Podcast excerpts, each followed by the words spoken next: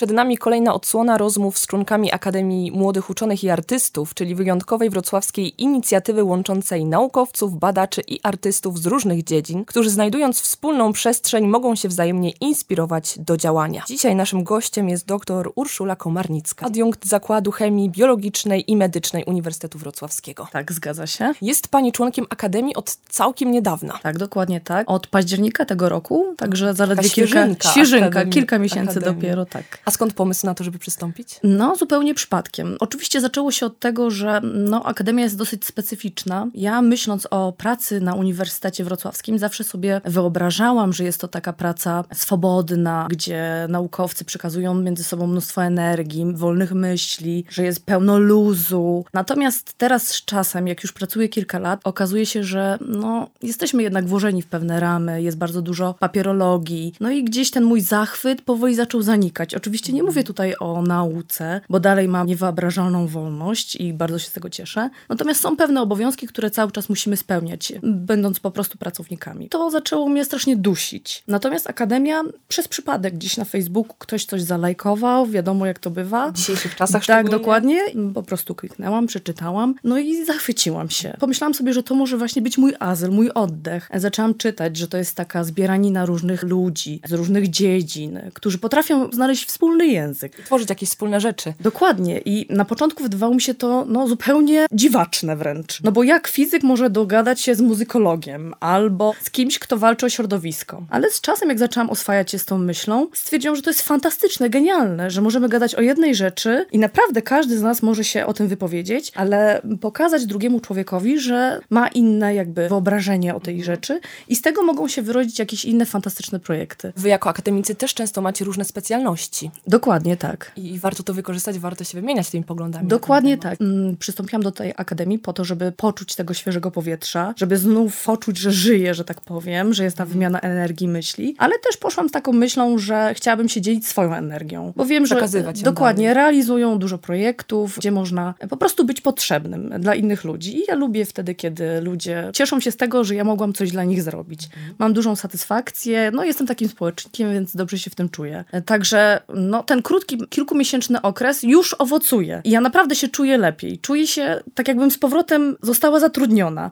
Mam tą początkową energię, też lepiej mi się pracuje, lepiej mi się wstaje. Czuję, że trafiłam w dobre miejsce. Jako akademickie Radio Luz chcemy wspierać tę inicjatywę i pomóc Wam opowiadać o tej akademii, dlatego tych rozmów z akademikami będzie więcej. Ale teraz przejdźmy do tematów badań, bo już przemyciła Pani tutaj gdzieś pomiędzy, że głównym nurtem badań jest chemia. Tak, chemia. Ja jestem taką specyficzną chemiczką, ponieważ zajmujemy się modyfikowaniem struktur już aktywnie biologicznych, na przykład antybiotyków, które powszechnie są używane, ale wiemy, że istnieje takie zjawisko jak lekooporność. Nasilające się Niestety, ostatnio. tak. Więc my chcąc przełamać tą lekooporność, korzystamy już z właściwości danych cząsteczek, lekko je modyfikując. Poprzez tam lata doświadczeń wiemy, które grupy są aktywniejsze, które mniej aktywne, poprzez różne modyfikacje, ale też poprzez dodatek różnych jonów metali. To wspomnijmy może w takim razie, czym są te pierwiastki. Jeśli chodzi o miedź, iryt i ruten, to z tych trzech to miedź jest e, takim mikroelementem, który znajduje się w naszym organizmie, jest naturalnie produkowany i niezbędny, żeby utrzymać homeostazę. Oczywiście projektując leki oparte na jonach tego metalu, wyszliśmy z założenia, że skoro znajduje się ten metal w naszym organizmie, to dodatek jakiejś niewielkiej ilości tego metalu nie będzie powodował toksyczności związku, bo wiadomo, że teraz wszystkie leki, no niestety niosą również ze sobą oprócz lekooporności, to jeszcze są momentami toksyczne dla naszych zdrowych komórek, a nie o to chodzi, bo przecież lek zdecydowanie. powinien tylko i wyłącznie działać Na e, naszą korzyść. E, dokładnie i niszczyć tylko to, co jest mm, chore, prawda, w naszym organizmie, a nie zdrowe. Jeśli chodzi o ruten i iryt, no niestety nie występują naturalnie w naszym organizmie. Natomiast w mniejszej ilości i odpowiednio osłonięte przez ligandy, bo mówimy o związkach kompleksowych. Czym jest ligand? Ligand to jest taka dodatkowa substancja, która koordynuje, łapie, osłania ten jon metalu, który znajduje się w środku. Może być tak sprytnie skonstruowane, że może być na przykład nośnikiem tego metalu. I ten nośnik, ten ligand może na przykład być nietoksyczny, ale może być inteligentny i wiedzieć, w które miejsce dokładnie uderzyć, żeby dotrzeć sprytnie do tylko tej e, na przykład nowotworowej albo bakteryjnej komórki. Wy jesteście w stanie to zaprojektować? E, Tak, cały czas e, jakby oprócz tego, że tworzymy, syntezujemy związki organiczne i nieorganiczne, to jeszcze teraz wyspecjalizowaliśmy się w tym, żeby selektywnie je donosić, bo no nie ukrywajmy, jest bardzo wiele substancji na świecie, które mają ten efekt cytotoksyczny, które działają. Ale problem największy jest taki, że one nie działają selektywnie. Czyli Mhm. największy problem jest z selektywnością. I teraz cały świat walczy o tą selektywność. I tak, po pierwsze potrafimy tworzyć micele, liposomy. Chyba wspomnieć, czym są i micele, i liposomy. Jakbym miała to zobrazować, to ja mogłabym powiedzieć, że liposomy micele to są takie piłeczki budowane z warstw li- lipidowych, do których wnętrza pustego możemy wkładać nasze substancje. I te takie piłeczki, powiedzmy, są całkiem bezpieczne dla naszego organizmu. Jeżeli do, doczepimy do nich różne inne substancje, które potrafią selektywnie dotrzeć do tych chorobowych Spróbujmy miejsc, to sobie wyobrazić, Tak. bo to dobrze działa na wyobraźnię. Jak to można wszystko komponować? Tak, można. To jest bardzo łatwo się o tym mówi, ale dochodzenie do tych wniosków trwało bardzo wiele, prawda? I to nie są moje wnioski. To są wnioski kolegów, biochemików, czy kolegów z zaściany naszego Wydziału Chemii, czyli biotechnologia. I oni do tego dochodzili. Natomiast my z tego korzystamy. To nie są rzeczy, które my wymyślamy, tylko my korzystamy z tego, co już zostało wynalezione. To jest piękno nauki właśnie. Tak, to jest rewelacyjnie, możemy ze sobą współdziałać i to jest piękne. Natomiast e, jeszcze dodatkowo dołączamy takie nośniki, czyli takie białka krótkie. Przykładowo istnieją takie białka, które selektywnie rozpoznają na przykład receptory na guzie piersi. No i my próbujemy doczepiać takie receptory do naszych bardzo toksycznych kompleksów, czy na bazie jonów metali, tutaj miedzi, rutenu i rydu. Wiadomo, że one będą niszczyły te komórki na przykład nowotworowe, ale doczepiając tą inteligentną substancję, która je zaprowadzi, czyli taki koń trojański trochę, będziemy mogli zabić tylko i wyłącznie tą komórkę.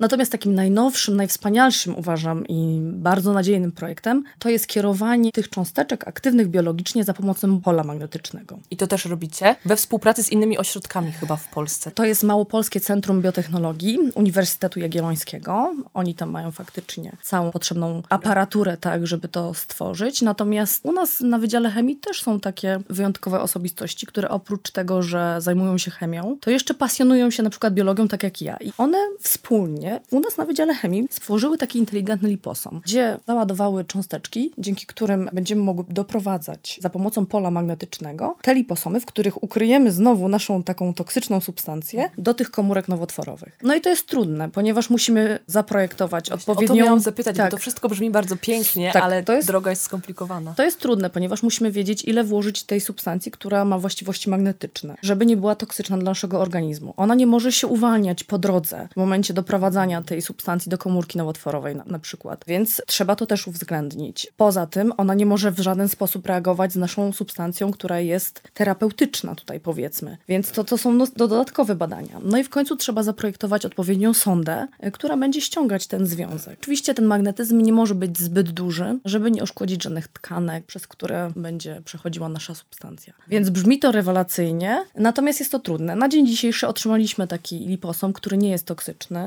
Teraz pracujemy nad tym, żeby włożyć te nasze związki na bazie miedzi i rydu rutenu. No i w współpracy z Małopolskim Centrum Biotechnologii będziemy no, tworzyć już powoli tą sondę. Mam nadzieję, że coś z tego będzie. To jest jakby najbardziej ekscytujący projekt, w którym do tej pory brałam udział. Ta współpraca pozwalająca nam na koordynowanie projektów pomiędzy uczelniami, czy nawet pomiędzy danymi specjalnościami już u nas na uniwersytecie daje wielkie możliwości, bo w ten sposób dochodzimy do wielkich rzeczy. Ale czy borykacie się z jakimiś problemami technicznymi, takimi już na drodze laboratoryjnej?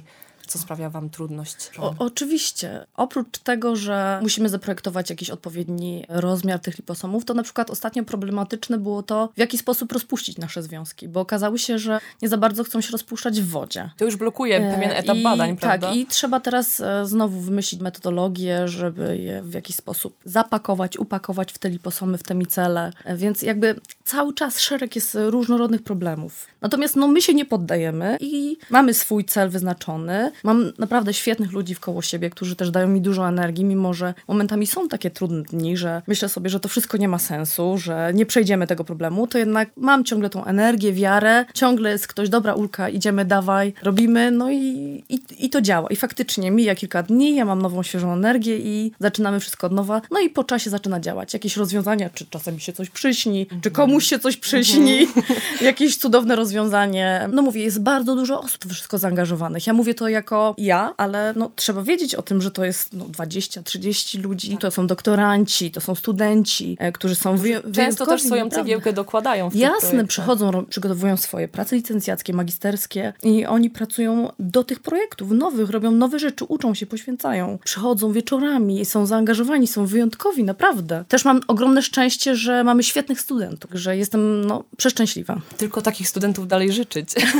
i podobnych sukcesów Tak. na tym polu. To jest głównie głównie chemia, ale to jest chemia z pogranicza biologii. Skąd ta miłość do biologii się narodziła? Podczas wykonywania swojej pracy doktorskiej pracowałam nad modyfikacją fluorochinolonów. Trafiłam do Zakładu Mikrobiologii naszego Uniwersytetu Wrocławskiego, gdzie poznałam dr Katarzynę Guzrekner i profesor Gabrielę Bugle-Płoskońską. Tak pracując nad różnymi bakteriami, czy tam referencyjnymi, czy klinicznymi, słuchając o tym, jak bakterie są mądre, bo zawsze wydawało mi się, że są takie pierwotne, prymitywne. prymitywne. Często to się utożsamia właśnie z czymś negatywnym. I poprzez jakby rozmowę, słuchanie historii, opowieści o tych bakteriach, ja sobie uświadomiłam, że one są sprytniejsze niż my. Wyobraźmy sobie Państwo, że są takie bakterie, które potrafią przeżyć w temperaturze 120 stopni Celsjusza. I nic im nie jest. A my tego nie damy rady przeżyć. Albo e, wyobraźmy sobie, że mimo tego, że mówi się, że morze martwe jest martwe, to tam też znajdziemy bakterie, które potrafią żyć w bardzo słonym środowisku. I coraz więcej bakterii w tych ekstremalnych warunkach Dokładnie takie dopiero ekstremy. teraz. Tak, i one są wyjątkowe, one nas przechytrzyły i mało tego przechytrzają nas każdego dnia,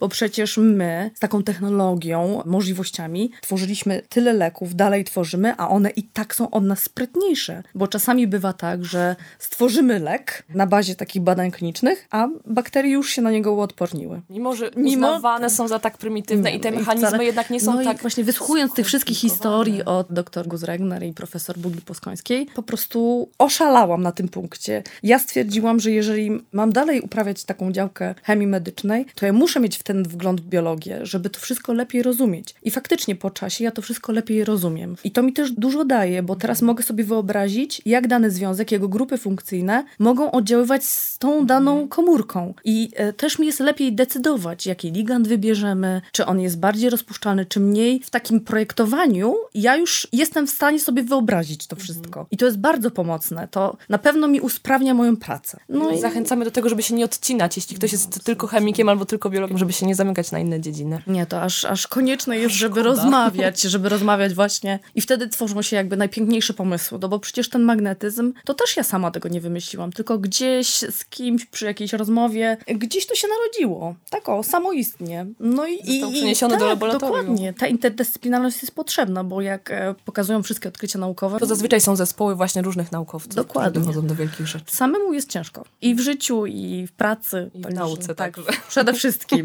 Przede wszystkim. Jest chemia, jest biologia, ale jest też coś więcej, co wyniknęło z pasji, czyli środowisko i co też akademicko trochę się rozwija, bo jest ta chemia żywienia. No ja nigdy nie byłam takim zwolennikiem środowiska, to wynikało trochę z mojej ignorancji powiedzmy. Natomiast kilka lat wstecz, no pewne zdarzenia moje życiowe wpłynęły na to, że zaczęłam się mocno tym interesować. No i po części dane mi było, że faktycznie uczę teraz człowieka środowisko i chemia żywności u nas na Wydziale Chemii. Faktycznie na dzień dzisiejszym też taką moją małą misją w Akademii jest ochrona środowiska. Ja na przykład jak uczę studentów, ja nie wymagam od nich egzaminu. Co może być zaskakujące. Tak, nie chcę od nich egzaminu. Formą zaliczenia jest przygotowanie jakiejś pracy semestralnej, której studenci pokażą, że zrobili coś w trakcie trwania semestru na rzecz środowiska. No i ja mam taką swoją małą obserwację, że tak naprawdę te czyny dopiero do nich docierają, bo jak się o tym mówi, tłumaczy, to nie do końca do nich to trafia wszystko. Oni Chodzi o tak to, żeby wcelić w życie. A jak oni zaczynają się właśnie zastanawiać, że wybieram plastik, czy szkło, czy reklamówkę plastikową, czy torebkę lnianą, to sami zaczynają uruchamiać swoją głowę i w takich małych, codziennych, życiowych sprawach zaczynają myśleć o tym środowisku. I ja uważam że właśnie, że my od takich malutkich rzeczy powinniśmy zacząć. Z tego co wiem, to studenci są bardzo zadowoleni. Oprócz tego, że nie muszą pisać egzaminu, To jest pierwszy plus. to mają to poczucie, że się trochę przyczynili. Jak z nimi rozmawiam, to mówią w sumie, że to nie jest takie trudne. To segregowanie, czy noszenie torebki ze sobą, czy jednak kupowanie wody w szkle, albo picie z tych butelek filtrujących, więc no to jest fajne. Ja też mam dużą satysfakcję z tego, że robimy coś dobrego. No i chciałabym więcej i na pewno będę naciskać w Akademii, żebyśmy dążyli do tego, żeby robić więcej. Być może jakieś projekty właśnie. Na pewno. Na pewno będziemy, już to wiem, jako Wydział Chemii razem z Uniwersytetem Jagiellońskim pod koniec sierpnia przygotowujemy konferencję dla nauczycieli, którzy uczą przedmiotów przyrodniczych, ponieważ ja głęboko wierzę w to, że właśnie ci młodzi ludzie w szkołach, to od tych młodych ludzi wszystko zależy, więc my poprzez jakby uszczypnięcie nauczycieli, pomoc im, nadanie im drogi, też pomocy czy jakiejś idei, możemy wspólnie uczyć i kształcić te dzieci w sposób taki kulturalny, bez krzyku, bez już zmuszania. od jak najmłodszych lat. Dokładnie, nie? Tłumaczyć im te mechanizmy, jak to działa w sposób naukowy, żeby to było faktycznie naukowe, ale w sposób zrozumiały, żeby one mogły mieć wizualizację, żeby rozumiały i miały świadomy wybór, że jeżeli wybieram plastik, to muszą wiedzieć, że to ma jakieś konsekwencje, że jest mikroplastik, że on się bardzo długo rozkłada, że jest szkodliwy dla natury. Jakie konsekwencje są tego, że ptaszek może połknąć, czy rybka może go zjeść i ta rybka umrze? No nie możemy tego nie mówić dzieciom. Ja uważam, że właśnie trzeba o tym mówić. Trzeba Żeby to była taka pełna edukacja, tak, dokładnie. Jak rozmawiam ze studentami, oni czasami mówią błędne rzeczy. No i czasami no, jestem zadziwiona, że powielają jakieś takie dziwne schematy, niesprawdzone. Czasami też nie chce im się sprawdzić, więc ja uważam właśnie, że powinniśmy więcej mówić, więcej edukować, ale to nie chodzi mi takie eventy, że krzyczymy, zmuszamy, szantażujemy ludzi, bo ja na początku też tak robiłam, ale ja wiem, że to nie działa. Jest tego za dużo, tej agresji dochodzi na nas, więc ludzie się automatycznie zaczynają odcinać. Więc ja uważam, że trzeba ludziom tłumaczyć spokojnie te mechanizmy, zapraszać lekarzy, którzy faktycznie badają. Fachowo mogą coś wytłumaczyć. Tak, co to jest smog. Jak ja pierwsze, co robimy zawsze ze studentami, to ja ich pytam, czy wiedzą, co to jest smog? Jakie substancje są w smogu? I oni nie wiedzą. A to jest takie powszechne. Zewsząd do nas to dociera. Więc jakby ignorancja i to, że się nic nie dzieje w, nas, w naszym społeczeństwie, albo no nie, że nic, za mało, bo są osoby, Dlatego które potrzeba dbają. takich osób i takich badaczy To- jak pani, którzy pobudzą nas do tego, żeby działać i żeby dbać o to środowisko. No mam nadzieję, że w Akademii znajdę wsparcie. Więc życzymy, żeby wspierać nie tylko rozwój najmłodszych, ale też świadomość tutaj naszą lokalną. Więc życzymy wszystkim naszym słuchaczom, żeby przykładali swoją cegiełkę do tego, żeby o to środowisko dbać, bo to jest nasze wspólne dobro, prawda? Tak, zgadzam się. Pięknie bym tego nie ujęła. Bardzo dziękuję za naszą dzisiejszą rozmowę. Gościem Akademickiego Radia Luz była dr Urszula Komarnicka, kolejny członek Akademii Młodych Uczonych i Artystów.